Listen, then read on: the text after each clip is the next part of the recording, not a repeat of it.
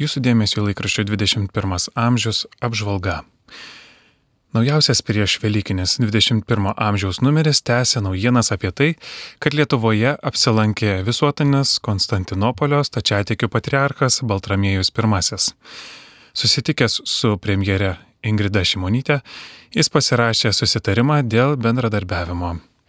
21 amžiuje spausdinamas šio susitarimo tekstas. Seime vyko tarptautinė konferencija Tarptautinis ir religinis dialogas.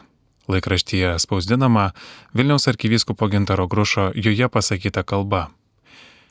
Jei krikščionis būtų vieningi, nebūtų skelbiami teisingi karai, būtų tik taikos teisingumas. Jei krikščionis būtų vieningi, pati Europa būtų darnesnė, grindžiama tomis krikščioniškomis vertybėmis, kurias pasaulis nori paneigti, bet kurios egzistuoja ir yra gyvos kiekvienoje Europos tautoje, sakė arkivyskupas Gintaras Grušas. Pranešama, kad Vilniaus arkivyskupas Konstantinopolio stačiatikių patriarchą lydėjo į okupacijų ir laisvės kovų muziejų buvusiame KGB kalėjime, kur svečiai išgirdo krūvinų totalitarinių režimų ir Lietuvos dvasininkijos persekiojimų istoriją. Patriarchas Baltramiejus taip pat apsilankė aušros vartuose ir Rūdininkų aikštėje pagerbė Vilniaus geto aukas. 21 amžiuje pranešama, kad Vilniuje Tuskulėnų memorialo Kolumbariume koplyčioje pirmą kartą aukotos šventos mišios už sovietų represijų aukas, kurioms 1944-1947 metais buvo įvykdyta mirties bausmė NKGB kalėjime. Šventas mišes aukojęs arkivyskupas Gintaras Grušas kalbėjo apie aukojimosi reikšmę ir prasme pastebėjo, kad blogis veikia visais laikais.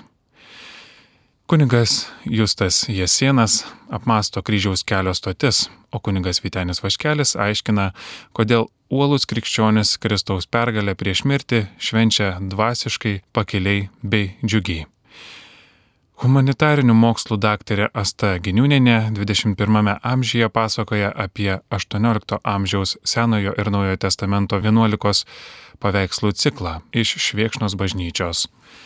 Jų paroda veikia Vilniuje, bažnytinio paveldo muziejuje.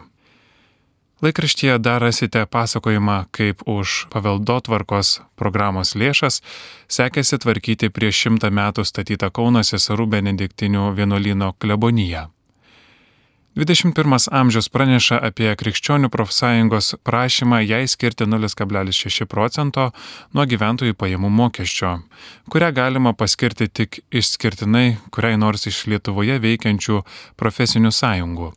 Kiekvienais metais, deklaruodami savo pajamas, Lietuvos gyventojai gali paskirsti iš viso 2,4 procento savo jau sumokėto gyventojų pajamų mokesčio, 1,2 procento paramos gavėjo statusą turinčioms organizacijoms, 0,6 procento tik politinėms partijoms ir 0,6 procento tik profesinėms sąjungoms. Gaila, bet dar daug žmonių to nežino ir te skiria tik tą 1,2 procento parapijai, mokyklai, vaikų darželiai ir panašiai. Supažindinama, kuo krikščionims svarbi ši profesinė sąjunga. Ji labiausiai pasitarnauja dirbdama sąžinės, religijos ir žodžio laisvės apsaugai Lietuvoje.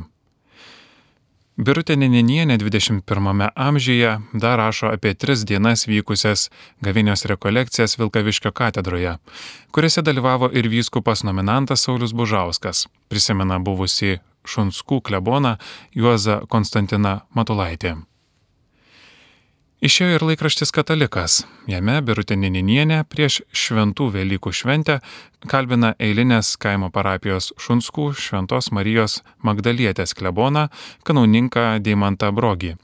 Ir teiraujasi jo apie kasdieninės ir šventinės nuotaikas. Kanauninkas dar yra ir Marijampolės dekanato, kuriame yra 23 parapijos dekanas.